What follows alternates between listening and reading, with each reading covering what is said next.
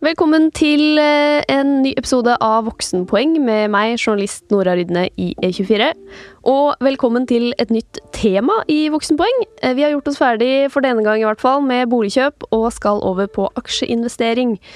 Eh, Jeg er jo en klassisk pyse, en som sikkert hadde vært tilbøyelig til å spare penger i madrassen hvis jeg ikke visste at det egentlig ikke er så smart, hvis jeg vil at pengene skal vokse. Men jeg har i hvert fall greid å depuse meg såpass at jeg kan spare i fond eh, ved å spørre, grave, lese meg opp på hva som er smart. For eh, hvis jeg skulle hatt en kjepphest, så er det at jeg ikke er spesielt interessert i å putte penger i noe jeg ikke fullt ut forstår. Så i denne episoden så starter vi helt fra bånn. Hva er en aksje sånn egentlig? Hva tjener man penger på med aksjer? Hvordan funker børsen? Og hva påvirker aksjemarkedet? Til å svare på det, så har jeg med meg to aksjenerds. en eh, fra vår egen redaksjon. Det er redaksjonssjef i børsredaksjonen i E24. Det er deg, Jon Thomas Aarø. Velkommen. Halleisen. Og så har vi med oss deg, Joakim Bernhardsen, investeringsstratege- investeringsstrateg i Nordea Markets. Hallo.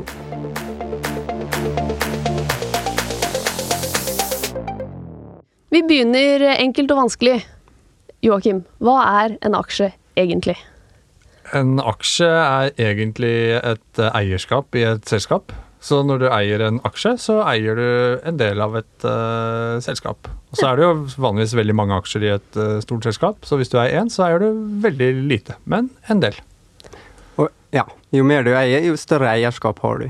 Nettopp. Yes. Men kan jeg eie aksjer i alle aksjeselskaper, da? I teorien, ja.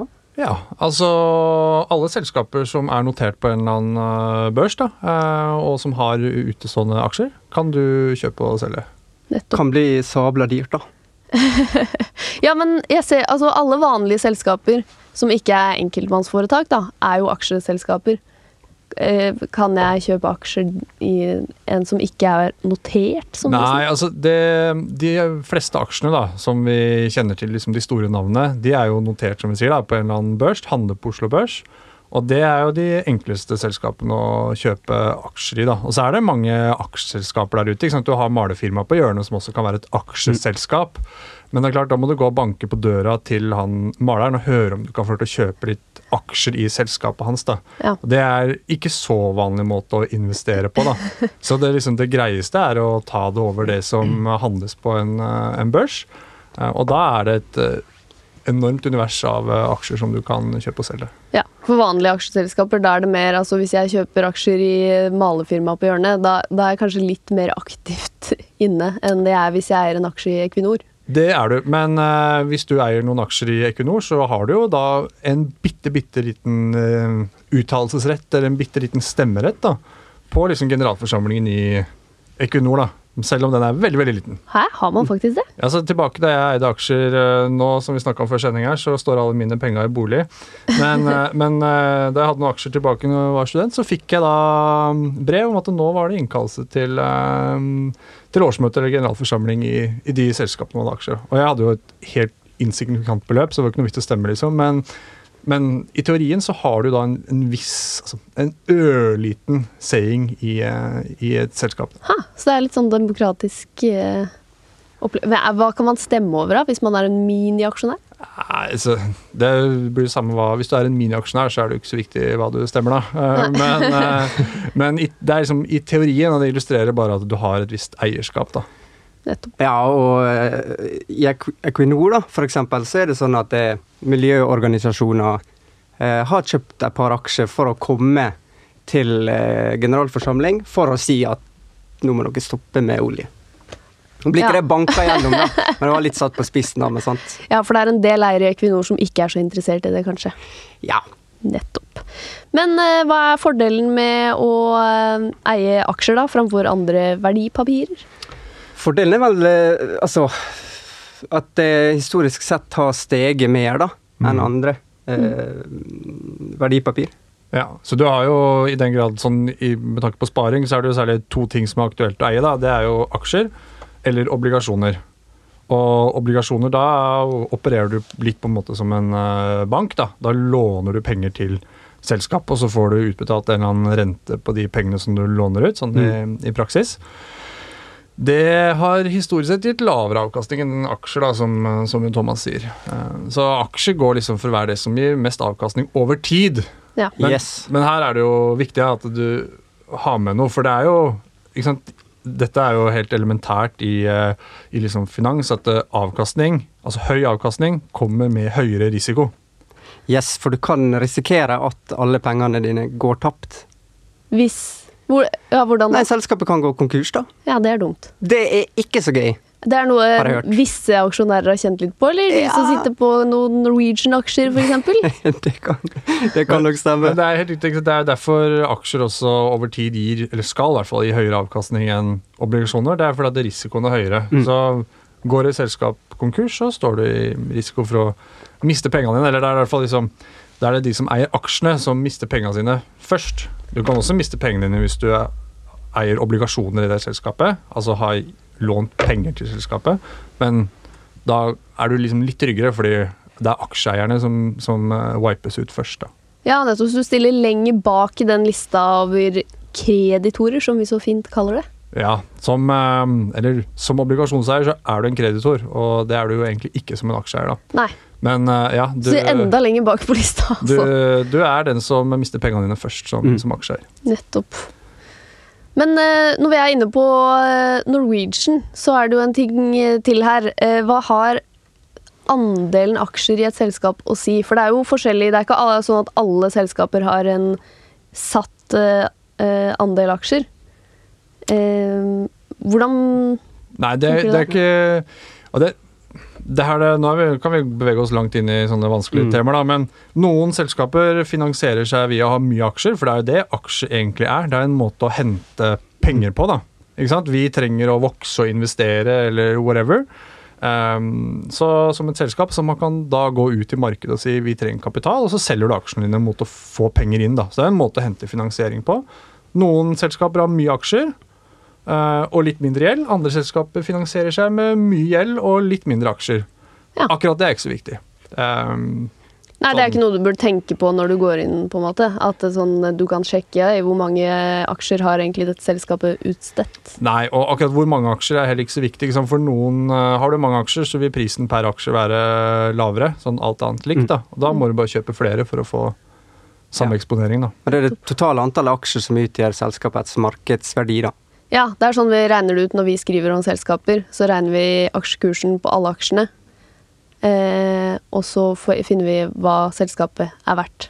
Ja. Aksjekurs ganger antall aksjer er lik markedsverdien. Nettopp. Yes. Men eh, så kommer det jo sånne fine ord som emisjon. Ja, det er deilig ord, da. Ja, er det liksom Mm, del av, er det del av risikoen man har da, hvis man sitter på en aksje, at det kan komme inn Altså, Dere kan jo først få forklare hva en emisjon er. Ja. Eh, nå nevner du risiko. da. Emisjon har liksom frynsete rykte, da. Eh, men prinsippet er jo at eh, emisjon er også en måte å hente mer penger på. da. Eh, og det kan jo være en kriseemisjon, som åpenbart ikke er bra. Eller det kan være en vekstemisjon, da. Men basically så trykker du flere aksjer som du selger. da. Så det er forskjellige typer emisjoner. At du selger til de som har aksjer i selskapet allerede, eller at du selger det til nye aksjonærer. da. Mm. Og det kan jo være Altså, det er jo mange sånne prosjekter jeg har. Så hvis du har en vekstambisjon da, i et selskap, men du har ikke råd til å realisere den, så må du hente penger, da. Mm. Men da blir jo min aksje som jeg allerede har, mindre verdt. Men på sikt kan den bli mer verdt. Ja, jeg- jeg så det er bedre enn at Norwegian går konkurs, at vi får en emisjon og aksjene Ja, men i det. Norwegian-tilfellet så var det ikke så veldig sånn uh, verden ligger for føtter, nå skal vi liksom erobre nye markeder og sånn. Da var det i den kriseemisjonsleiren, ikke sant. Og det er jo derav det litt sånn frynsete ryktet emisjon har. Ofte når vi hører om det, er når selskaper holder på å gå over ende og trenger å hente mer kapital. da. Og da vil jo du, som sitter med en eierandel i Norwegian, da, for den ene aksjen du har, eh, vil jo oppleve å bli vanna ut, da, som vi sier. Mm. Fordi du får flere aksjer, men så er jo ikke, liksom, er jo ikke verdien i Norwegian økt noe mer av den grunn nødvendigvis.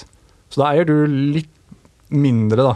Fordi, bare fordi det er blitt flere aksjer i selskapet. Og i sånne kriseemisjoner og, og, og sånt, så, så blir det ofte vanna ganske kraftig ut. Ja. Altså. Men er det, hvorfor blir ikke de aksjonærene veldig sure da når det skjer en emisjon? Er det bare fordi de tenker det er bedre enn at det går konk? Å, men det kan de bli. Har du lest eh, kommentarfeltet på E24, eller? Det er jo Eh, ja. det er høy temperatur. Jeg prøver jo å lese altså. E24. Hæ?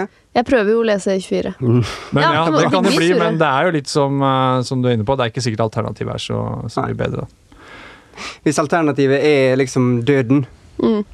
Så får heller satse på at den emisjonen her klarer å lande et eller annet, og at det blir bedre på sikt. Men det er klart, har du en eh, emisjon hvor vi skal liksom kjøpe et nytt selskap eller mm. investere noe, så er du som aksjeeier sikkert gira på det, da. For da vil jo du tenke at dette øker jo verdien av selskapet over tid. Så dette er en emisjon jeg vil være med på. Nettopp. Så det er litt sånn om det er krise eller vekst. Ja.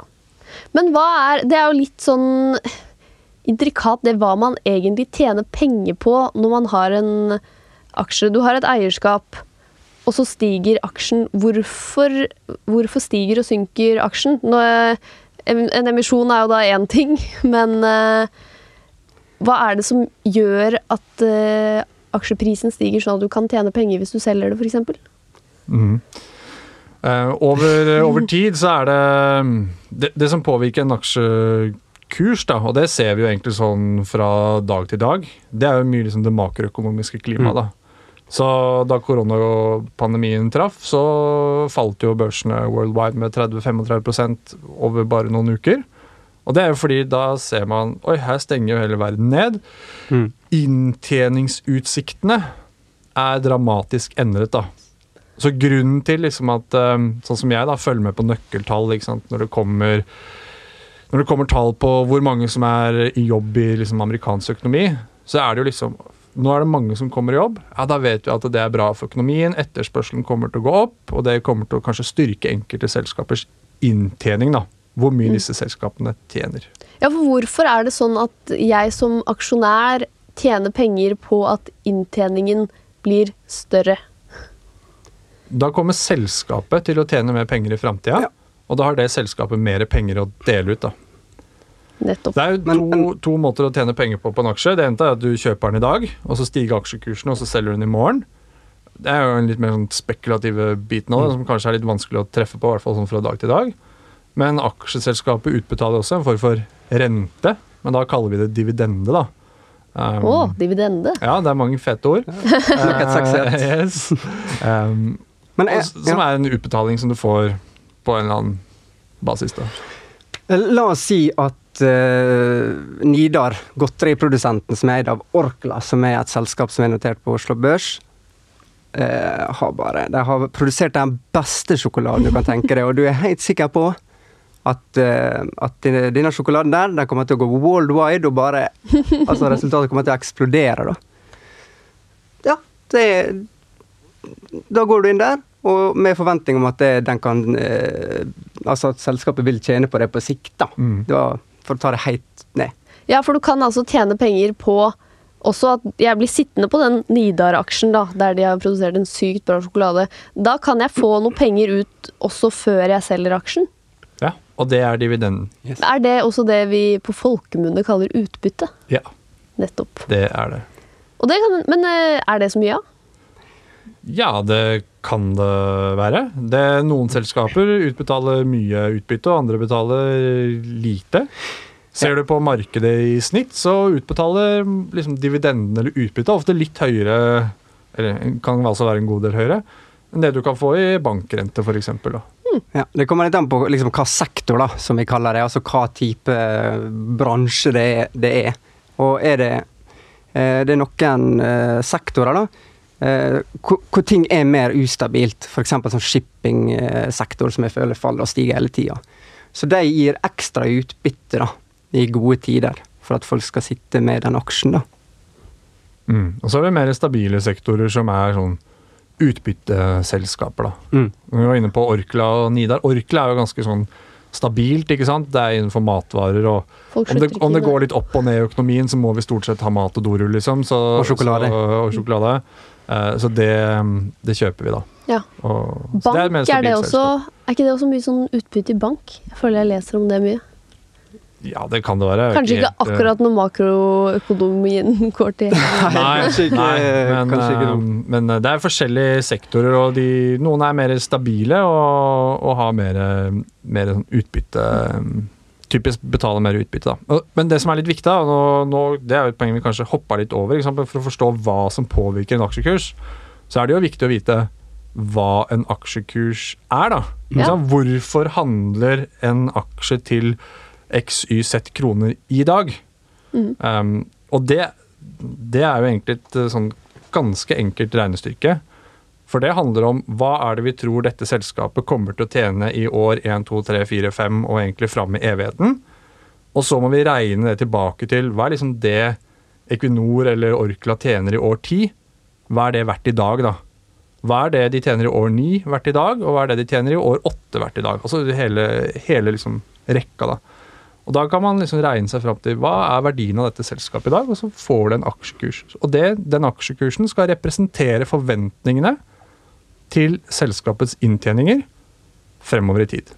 Er det noe hvermannsen kan gjøre, eller er det noe vi må stole på eh, aksjeanalytikere for eksempel, til å gjøre? Der må dere stole på aksjeanalytikere. Ja, så er det ikke sånn at jeg kan sette meg ned og lese noe nøkkeltall. Ja, det oi, oi, oi, oi, Og matematikken i det er ikke, er ikke veldig vanskelig. Men Det kan være informasjon som er liksom trøblete å få tak i. Sånn, men det er, det er langt ifra en umulig oppgave. Men det krever nok at man liksom ja, ønsker å gjøre litt mer med aksjesparingen sin enn å bare se at pengene kanskje tikker litt oppover fra tid til annen. Ja. Mm, for det, og det er et viktig poeng her, at det er forskjellige aktører, da, eller folk som handler med aksjer. Sant? Du har de spekulantene som gjerne er inn og ut eh, flere ganger om dagen.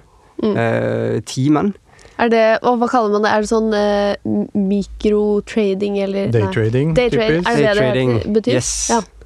Det er det som er daytrading, at du liksom kjøper og selger dagen etter, eh, på en måte. Altså Ja. Veldig kort eierskap. Ja, sånn du rekker ikke å eh, følge med på de uh, nøkkeltallene Joakim snakker om her, osv. Det er liksom sånne tekniske analyser, da, som det heter, og sånne type ting. Eh, men så er det også de som sant, de finner seg noen eh, aksjer de vil sitte i lenge, og så, eh, så koser de seg. Og får kanskje litt utbytte. Kanskje. Ja. Ja. Men er det noe av det man regner på når man regner liksom hva det er verdt fram i tid? Hva du får i utbytte? Ja, Ja, det er en viktig del av det. Ja, og da regner man egentlig på om det er verdt å sitte på den aksjen, da. Framfor å putte pengene i banken. Ja, eller- da, Hvis du regner på den måten som vi snakker om nå, da, så finner du ofte et eller annet eh, tall, at eh, denne aksjen er verdt det og det. Så kan du se hva aksjen er verdt i markedet. Og så tenker du nei, det var billig eller det var dyrt, så kan du kjøpe eller selge. Ja, for dere... Men nå er vi på en måte taking it to the next level, da. Ja, Eh, vi skal jo mer inn på dette her i eh, fremtidige episoder.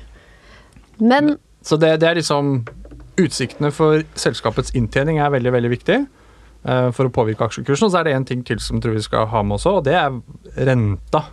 ja. Mm. Fordi hva, hva den derre inntjeningen da, til Orkla eller Equinor er verdt i år ti, det avhenger av litt sånn hva rente er, da. Hva kan du alternativt få i plassering på disse pengene? Um, det er jo en av, sånn vurdering du må gjøre, da. ja, så når eh, renta er eh, null, som i dag, så er jo det ræva å ha i bank. Ja, det er veldig ræva i bank, og du vil heller ha det i aksjer, da. Ja. Og da er du kanskje villig til å godta en lavere avkastning på aksjer også, så lavere renter er jo med på måte booste aksjemarkedet. da. Ja, og det har vel fått sin del av æren for uh, aksjeoppgangen de siste ti år. Helt klart. Mm. Og så, sant, så Det handler jo også om altså, igjen, altså, Tenk på oppdretterne. Lakselus. Hvis det er svær sånn oppblomstring av lakselus, så er det jo ingen tvil om at det vil uh, påvirke kursen. Nei, og det er jo fordi det påvirker inntjeningen, Yes. skulle man tro. liksom. yes. Er dere klare for spalten Min kjepphest? Ja. Ja! ok. Vi starter eh, med din kjepphest, Joakim.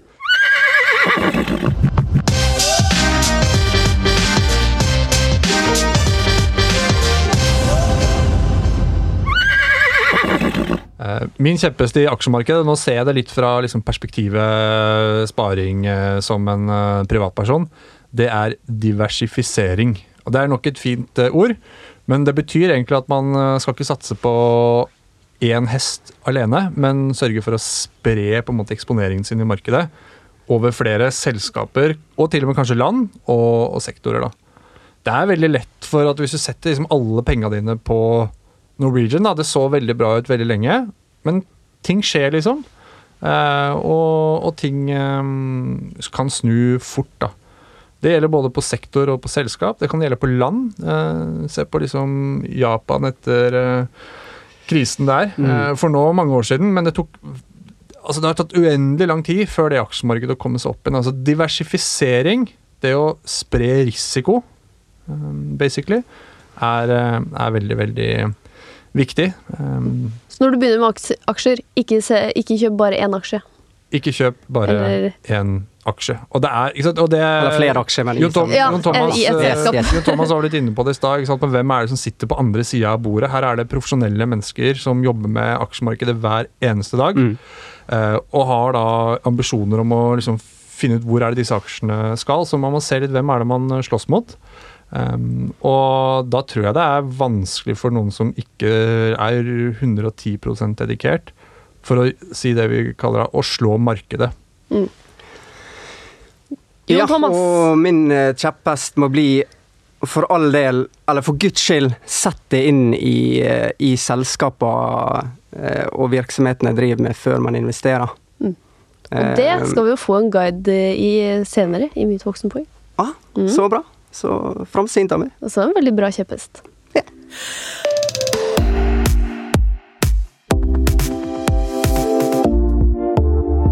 Vi var litt inne på dette med hva, om uh, aksjen er overprisa, eller om det er billig eller dyr. Hvem er det som egentlig bestemmer det? Og når du går på børs, hvordan finner du ut av det da?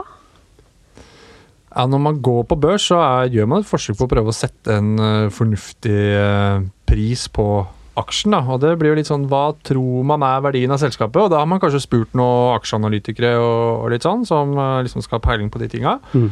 Eh, og så sier vi ok, denne aksjen setter vi til 98 kroner. Og så går den ut i markedet på 98 kroner, da. og så får man jo se da, om Ja, for det er ikke alltid de treffer? Det er ikke alltid de treffer. Og så fort den begynner da å omsettes i det vi kaller annenhåndsmarkedet, altså du og jeg kjøper mm. og selger til hverandre på børsen og sånn, mm. så begynner jo den aksjen å leve sitt eget liv, da. Og da vil du og jeg ta et uh, bestemme ja. hva vi syns dette er verdt, og så handles jo deretter. Ja, for da er det jo lettere. Men jeg husker Eller eh, da Saudi Aramco, verdens største oljeselskap, right? Saudi-Arabias statlige eh, selskap, gikk på børs, eller ble notert på børs, så ville han prinsen ha en veldig høy pris, og så var det noen analytikere som var sure og ikke ville være med på det. Og så kom de vel fram til å sette ned den prisen likevel. Og så kom de til det målet prinsen hadde satt seg likevel. Altså, Hva var det som skjedde der? Nei, Det var jo egentlig at han var keen på en veldig høy pris, og så Logisk nok. Logisk nok. ja, fordi eh, hvis du setter prisen høyt, så får selskapet mer Og det var liksom ikke måte på. at skulle, Dette her skulle jo noteres da på London-børsen. Uh, men så var det jo ingen som Eller det var ikke så mange i hvert fall som hadde lyst til å kjøpe det selskapet til den prisen. da. Så da var alternativet å justere ned prisen. Uh, eller å Jeg vet ikke om det var akkurat sånn det foregikk, men eller å bare ta det på hjemmearenaen og så si til de andre eh, sjeikene som du kjenner, at dere kan godt kjøpe dette selskapet her til den prisen jeg vil. og så tror jeg vel det var litt sånn det endte, Jon Thomas, hvis ikke jeg husker helt feil. Ja, det stemmer sånn cirka. Ja. Så han fikk altså- den prisen, men ikke akkurat i samme volum. Han fikk ikke solgt så mange aksjer som han ville, og kanskje ikke noterte liksom på samme måte på, på London-børsen og sånn, som han hadde ønske om. Men hva skjer? Hva skjer hvis du vil selge til en pris, og så går du imot de analytikerne som sier nei, det er dust? Og så, hva, hva er det verste som kan skje, da? At du ikke får solgt alle aksjene? Hva skjer da? Nei, Da må de sette eh, altså, kursen lavere, da. Ja, og, Men analytikerne har jo De har jo ikke noe makt som sådan, da. Ikke sant? Nei. det er jo veldig ofte at en analytiker mener ja, vi tror liksom oljeaksjer er overprisa og skal falle, men så kan jo oljeaksjer liksom eh, doble seg i verdi det neste året. Så det å gå på tvers av analytikerne som sådan er jo ikke noe problem. Markedet bestemmer jo hva dette er verdt, og markedet har alltid rett til syvende og sist, Som man sier. som man sier. Men det er altså sant eh, Se på f.eks. boligmarkedet man skal selge en bolig. Så, så kommer det noen meglere, gjerne to, tre, fire inn, da, sant, og ser og kommer med sine prisestimat. Du har kanskje tenkt det litt, og så er det visning, og så er det budrunde, og da får du fasit. Ja. Ja. Så fasiten får du egentlig når eh, den noteringen er ferdig og aksjen er i handel. Helt korrekt. Aha. Så da kan, hvis eh, jeg med AS Nora Rydne da går på børs, for så stor har jeg blitt, det skal noteres. Eh, og Det drømmer jeg min faktisk, å børsnotere noen i E24. det skjer. Eh, og så eh, selger jeg aksjene mine eh, ganske dyrt, og så finner folk ut at jeg ikke er så kul. Mm. Og så begynner Altså, så vil ingen kjøpe de aksjene. Hva, hva skjer da, liksom? Hvordan går prisen ned hvis Det blir en veldig dårlig notering, da. Ikke sant? Ja. Hvis, hvis du på en måte står der og er klar til å ringe bjella, og så bare Shit, det er ingen som vil kjøpe. Jeg Så har da har du på en måte Da har du jo utforska landskapet litt dårlig i forkant, da. Men det kan jo godt hende at liksom, du har gitt et veldig veldig godt førsteinntrykk, da. Og virker så utrolig ålreit eh, person og alt det her. Mm. Så vi kjøper liksom de aksjene, men så viser det at du har litt, eh, litt eh, bagasje, da. Og da vil jo omsetningen i annonsmarkedet utvikle seg. Så får vi sett litt nærmere på dette her, og bla, bla, bla, så vil jo verdien falle, eller aksjekursen falle. Mm. Men vanligvis er det et regnestykke man gjør før man kjøper aksjen. Så man prøver jo liksom å avdekke de største fallgruvene før man, eh, før man, eh, før man kjøper aksjen, og det tror jeg selskapet også liksom er, eh, er kjent med at vi må finne et, en pris som er realistisk, og, og stort sett så, så man bommer, som vi var inne på, men man prøver å sondere markedet ganske bra Mm. uh, før man kommer så langt. da. Men du har et poeng, altså. uh, altså en transaksjon består av en selger og en kjøper. Hvis det ikke er kjøper, så får du ikke solgt det. Ja, for det var det jeg lurte på. Er det alltid sånn at du kan kjøpe og selge en aksje?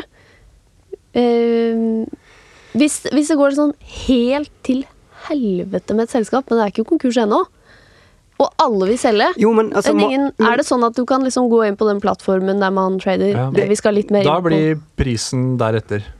Ja. ja, Og Altså, da, og, da finnes det alltid noen sånn eh, bunnsvømmere alltid, som alltid, Det er noe samme som med boligen til, eh, til som Jon Thomas nevnte. liksom. Den boligen kan være så stygg som bare det, men på et eller annet tidspunkt så får du solgt, bare du må sette prisen veldig veldig lavt. ja. Men det er ikke jeg som bestemmer det, da er det markedet. Sånn at eh, hvis eh, Ja, da må Noen- du, Hvis du skal selge aksjene dine, så, og det ikke er noen kjøper der altså Dette her er jo et rent eh, markedskryss, liksom, som vi tilbud må være Mm. lik etterspørsel. Ja. Og det er det prisen som regulerer. Så da må du bare justere ned prisen helt til du treffer kjøperen. Ja. Og da vil prisen falle. Men hvem er det som gjør det? For det er jo ikke eh, Jeg kan jo ikke gå inn og bestemme hva jeg vil selge en aksje for. Du kan godt gå inn eh, på en eller annen portal hvis du skal kjøpe og selge aksjer. da, om det, ja, Du skal reklamere for noen, men, eh, men så kan du sette at jeg vil selge denne aksjen til 100 kroner. Men det er klart, du får ikke solgt uh, hvis prisen i markedet er 90, for det er ingen som gidder å kjøpe en aksje Mm. på 100. Nei. Så, du, så hvis du vil legge en ordre på å selge til 100, så må du gjerne gjøre det, men da får du ikke solgt. Så Ok. du må Men du får er et en- forslag da, fra den portalen.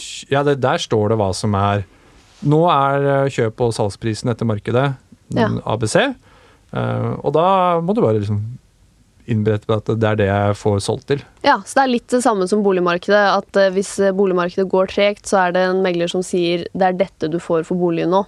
Ja. Mm, helt riktig. Ja. Men altså, tilbake til børsnoterte Nora Ridne, da, så Mhm. er det jo Altså det er mange selskap eh, på Oslo Børs uh, som er ganske illikvide. Altså det handles ganske lite i dem. Ja, og da kan det være problem med å kjøpe og selge. Ja. Interessant. Men de, altså, hvis du kjøper aksjer i de store, da, Equinor, som alle kjenner til, så er det Og du skal selge liksom ikke 50% av aksjene ikke noe, liksom, men en, en sånn vanlig post, da. Så trykker du på selvknappen, og så er det utført i løpet av ja, et, liksom et sekund eller et mikrosekund eller whatever. Ja, så det er ikke et kjempestort problem med mindre du skal investere i Nora Rydne ASA, som Mm. er ganske nytt, og som bare har 100 Ja, Ja. Det er kanskje den største fornærmelsen jeg har fått, å bli kalt illikvid. det er en veldig bra sånn børsdiss. Den skal jeg begynne å dra. Du er illikvid. Inlikvid? Illikvid. Illikvid. Mm. Right on the first one. Nice. Illikvid Nora Rydden.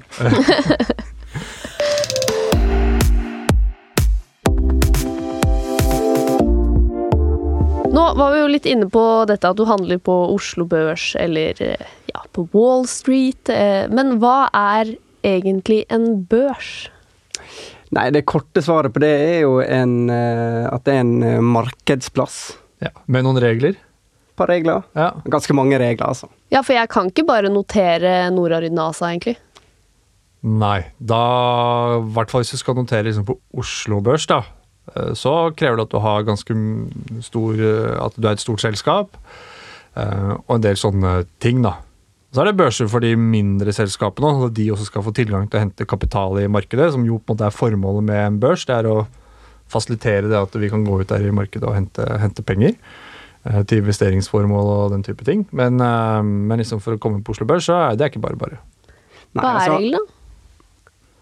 Hva er, hva er reglene for å komme på børs? Ja, Du må ha markedsverdi som er på Oslo Børs, er det, er det 300 millioner eller noe sånt nå. Uh, og så er det noe med hvordan aksjene skal spres ut til folk. Det er ikke sånn at det, alle aksjene kan liksom ikke sitte på, på ett par hender. Det må spres ut på en eller annen. Og så er det en del sånne regnskapstekniske regler som også ligger til grunn. da. Og, og nå har man jo Oslo Børs og E-børs, og så har vi en børs som heter Merkur. Der er de regnskapstekniske reglene litt lettere, da, fordi det skal være enklere for de små selskapene, å komme inn der. Ja, så litt der er- for lett. uh, Oi, brannfakker! Ja, nei, nei, nei. nei, nei. Ja, for jeg har sett noen ganger når jeg har eh, søkt opp et selskap eh, som jeg kanskje skal skrive noe om, og så er det et lite eller ganske nytt selskap, så jøss, det, er det er børsnotert. Da tenker jeg alltid det er Merkur. Men, det, men altså, det var et initiativ som ble tatt for å senke, nettopp senke lista. Ja, Sånn at mindre selskaper kan få mulighet til å hente kapital. Riktig. Men det er mer risiko hvis du kjøper aksjer på Merkur, eller? Altså, man får ikke så grundig, så mye informasjon om selskaper, da, kan man si. Altså, eh, rapporteringskravene de selskapene har, er ikke så strenge. Og så har vi jo sånn de store mm, husene, Nordea som jeg kommer fra, sånn, har jo sin egen aksjeanalytiker som sitter og dekker mange av selskapene på Oslo Børs. Men vi har liksom ikke masse folk som sitter og dekker Merkur-selskaper. ikke sant? Så informasjonen er jo dårligere, da. Nettopp. Så Og det er jo en risiko i seg sjøl at man sitter med mindre Altså, jo mer informasjon man har som mulig, jo bedre valg kan man gjøre da i aksjemarkedet. Og så kan man jo tenke på det på en sånn alternativ måte. At det er de som eh, noteres på Merkur, da, som vi har enkel tilgang, det er jo kanskje selskaper som har en eller annen eh, superkul idé, som trenger å utvikle den. Må ikke være det, men kanskje i større grad enn på Oslo Børs. da. Og det kan jo gå veldig bra, eller det kan gå veldig dårlig, da. altså, det er litt som å investere i startups, egentlig, da. Altså, Jeg er- sier ikke at det trenger å gjelde alle selskapene på Merkur, men Nei. jeg vil tippe at det er liksom i, i, i større grad der enn på, på, liksom på Oslo Børs. Da. Så er Ja. det nok mye, så er det mye mer vekstselskaper eller startups på, på merker. Så børsen du kjøper på, den kan si deg noe om selskapet? Det kan absolutt gjøre. Men er det noen andre store forskjeller? Altså Hvis jeg skal inn på f.eks. den amerikanske børsen, da, da finner du jo Nasdaq og SMP og Dow Jones. Den er vel kanskje litt rar, men Ja, altså Nasdaq er jo det er en teknologibørs, da, så det er mye selskaper. Og så har du eh, New York Stock Exchange, som er eh, hvor både SMP og Dow Jones faller inn under. Ja, Så ja SMP, det er jo en børsindeks. Ja. Og det samme er Dow Jones, det er en børsindeks. Men det er ikke en Eller det er en aksjeindeks, det er ikke en børs. Hva er forskjellen på en indeks og en børs? En eh, børs er jo denne markedsplassen hvor vi omsetter aksjene. En aksjeindeks prøver å gi uttrykk for hva verdien av et visst segment av markedet er. Da. Så SMP 500 viser en eller annen eh, på indeksform, da. Hva er verdien, eller hvordan har det gått, eller hvordan går det med de 500 største selskapene i USA. Det er også kalt for verdensindeksen, fordi mm. det er så mange selskap der som har sånn internasjonal eksponering. da. Ja. Mm. Og Dow Jones, det er industri mest. Dow Jones Industrial Average, men Ja. eh, det er Hvor mange er det som er eh, Ikke mange. i hvert fall. De, de hiver jo ut folk og tar inn folk, og uten at det er 100% opplagt på meg hvorfor. Det er, eh, det er 30 selskaper som er notert på, på Dow Jones. Ja. Um, Og den indeksen skal da si noe om verdien av selskapene. Ja. Altså SMP er jo hva er markedsverdien, som vi snakka om tidligere, av disse 500 selskapene. Men det tallet blir sånn veldig veldig stort, det er så mange mange milliarder. Så man bare skalerer det litt ned da, til Ja. å gjøre det litt mer håndfast. Så indeksene Altså, Oslo Børs har jo også en indeks. Mange. Mange indekser, ja. Ja, du, du, altså, du, der deler jo det ned på seks, sektornivå. Altså, du har jo på en måte Ja. lakseindeks, eller sjømatindeks, da, som den eh, Mm. heter. Men må jeg bry meg om indeksene når jeg kjøper aksjer? Det er mange som handler i indekser. Og dette er jo tilbake på min kjepphest. Ja. Altså, du kan jo kjøpe, Istedenfor å kjøpe én aksje, så kan du jo kjøpe et uh, fond som søker å replikere SMP 500, da, for eksempel. Eller Oslo Børs, eller hva det skal være. da. Og da får du på en måte eksponeringen mot alle de selskapene som ligger inn under den indeksen. da. ja. Men du kan også bare kjøpe enkeltaksjer i hver av dem? Ja, men det er litt slitsomt å kjøpe 500 aksjer uh, på SMP som Nettopp. småsparer. Nå trenger du nok ikke å kjøpe 500 for å få noe som ligner på. SMP 500, men poenget er at det er en litt lettere måte å gjøre det på. Ja. å kjøpe på et fond. Da. Så indeksene de prøver å gjøre det litt enklere å måle hvordan det går med børsen og visse sektorer på Ja, det er veldig kjekt. da, I min jobb så ser vi jo liksom hvordan har det amerikanske markedet gått. Jo, da ser vi på typisk SMP, da. Ja. Eh, Nøkkelindeksene er vel det vi kaller det i pressen. Det er korrekt. Ja. Eller toneangivende indekser. Ja, Nøkkelindeksen i Oslo, det er jo Det er hovedindeksen. Hovedindeksen kaller vi den, ja. Og det er, vi har bare én, har vi ikke det? Sånn En nøkkelindeks. En hovedindeks, en nøkkelindeks. Rik- Riktig. Nettopp. Ja. Men hva er det Altså, børsen er en markedsplass, men hva tjener egentlig børsen penger på? Er det sånn som vi tjener penger? At det er masse reklame for uh, mer eller mindre shady selskaper eh, oppi nettleseren?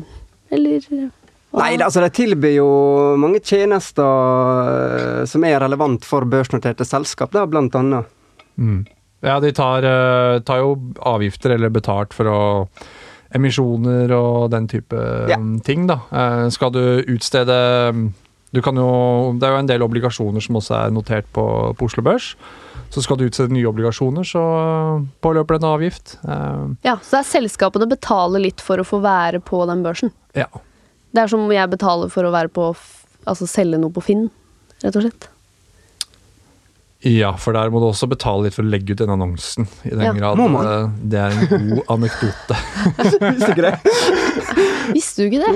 Ja, ikke, ikke på torget. Nei, ikke men på, det, der jeg driver og opererer, vet du. Ja, okay. Ja, hvis du, sø- hvis du skal selge huset ditt, så må du vel betale. Ja, men du betaler litt til, til børsen da, for å, for å legge ut og, aksjen din, og for å utstede nye aksjer, og for å emittere, og for å legge ut obligasjoner Mm. og den type ting.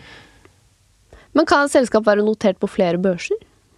Det, det kan det. Vi har jo hatt flere norske selskap som har vært eh, notert både her og i New York, eh, blant annet. Ja. Mm. Um, Men eh, når du er, selv om jeg er norsk, så kan jeg handle på utenlandske børser. ja, ja, ja, ja. Ja. Du kan handle eh, Ja, du kan handle ja, basically hvor du Ja.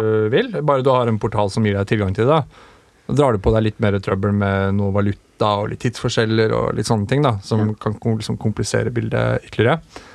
Men i teorien, ja. Så det er mange selskap som er notert både her hjemme på Oslo Børs, for det er jo en ganske bra børs å være på hvis du er oljeselskap eller, eh, eller liksom shipping eller sånt noe. Men det kan også være kjekt å være notert i, i USA, da, for da får du tilgang til i større grad det amerikanske markedet. da. Ja.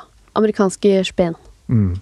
dollars. Dollars. Yes. Ok, men da lurer jeg på en siste ting. Den, altså børsbygget i Oslo. Hva skjer der? Hvem er det som sitter der? Å, det er et kjedelig bygg. Det er veldig fint Ja, det er fint ut men, eh, fint, men jeg har eh. vært der på sånn derre Sånn eh, opplæring for sånn finansiell autorisasjonsopplegg og sånn. Ja, Jeg har vært der på der. julebordet. Og det Ja, for jeg har blitt invitert til sånn kom, kom til Oslo Børs, det er jul, nissen ringer med børsspillet. Og så er jeg sånn Er det det dere driver Men det skjer, det skjer veldig lite på Oslo Børs. Det er noen folk som sitter der og overvåker markedet og sånn, men hele på en måte, børsaktiviteten er, eh, er fryktelig kjedelig. Altså når, når vi ser på liksom på nyheten da, Mm. med disse folka som står og skriker og sånn, Ja, så er det på New York-børsen. Og der har man fortsatt face-to-face-kommunikasjon, da. eh, hvor, eh, hvor, hvor handler skrikes ut til hverandre. Men de fleste andre steder så foregår det det elektronisk. da. Så når du kommer liksom på innsida av Oslo Børs, så er det overraskende kjedelig, egentlig. Okay, Men det er et fint bygg, det er det. Absolutt. Ja, så skjer, men har, har det skjedd noe der før? Har de sittet og skreket til hverandre og vært sånn krisebilder og Å ja, ja, ja. Det, Å, ja. det har det vært. Så gikk de over til Slack. Så ble alt kjedelig. Så ble Sånn det er i med elektroniske verden. Og sånne ting, tror jeg. Mm. Som skjer der inne.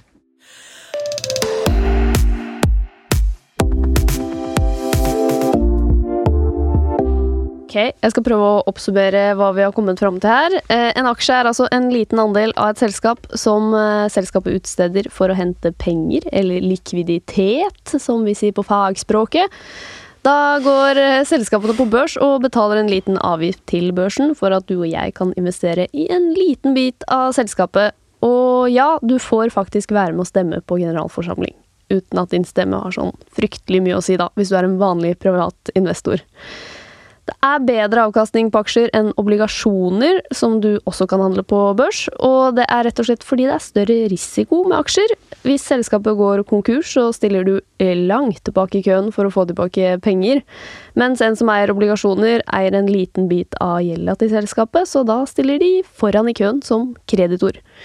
Men eh, man håper jo at selskapet ikke går konkurs da, så er det jo vanligvis ganske trygge hvis du er på en eh, stor børs og et stort selskap.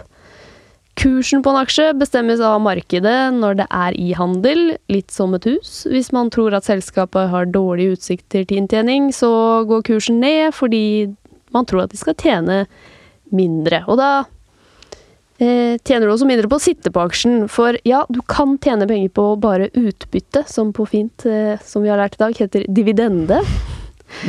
Eh, det er da utbytte selskapet betaler ut fra hvor bra det går.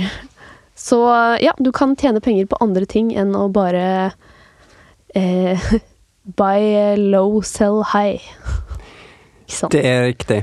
Ja. Eh, og hvis det er noen der ute som har lyst til å prøve seg med fiktive penger, så starter E24 aksje-NM nå 5. oktober. Det er riktig, og neste episode, da skal vi jo også litt mer på det praktiske. Da skal vi gå litt gjennom hvordan du starter, hvordan du kan prøve deg uten penger før du faktisk investerer penger. Eh, og ja, hvordan du kommer i gang rett og slett nå som du har the basics inne. Børs er gøy. Tusen takk for at eh, dere kom, Jon Thomas Aarud og Joakim Bernhardsen. Takk for i dag. Ha det. Og produsent i dag var Hanna Gaderi. Og så må du huske å gå og følge oss på eh, Instagram. Der heter vi Voksenpoeng med Nora. Der legger vi ut eh, masse små nyttige klipp og ja, mer enn du får høre her. Så gå og følg oss.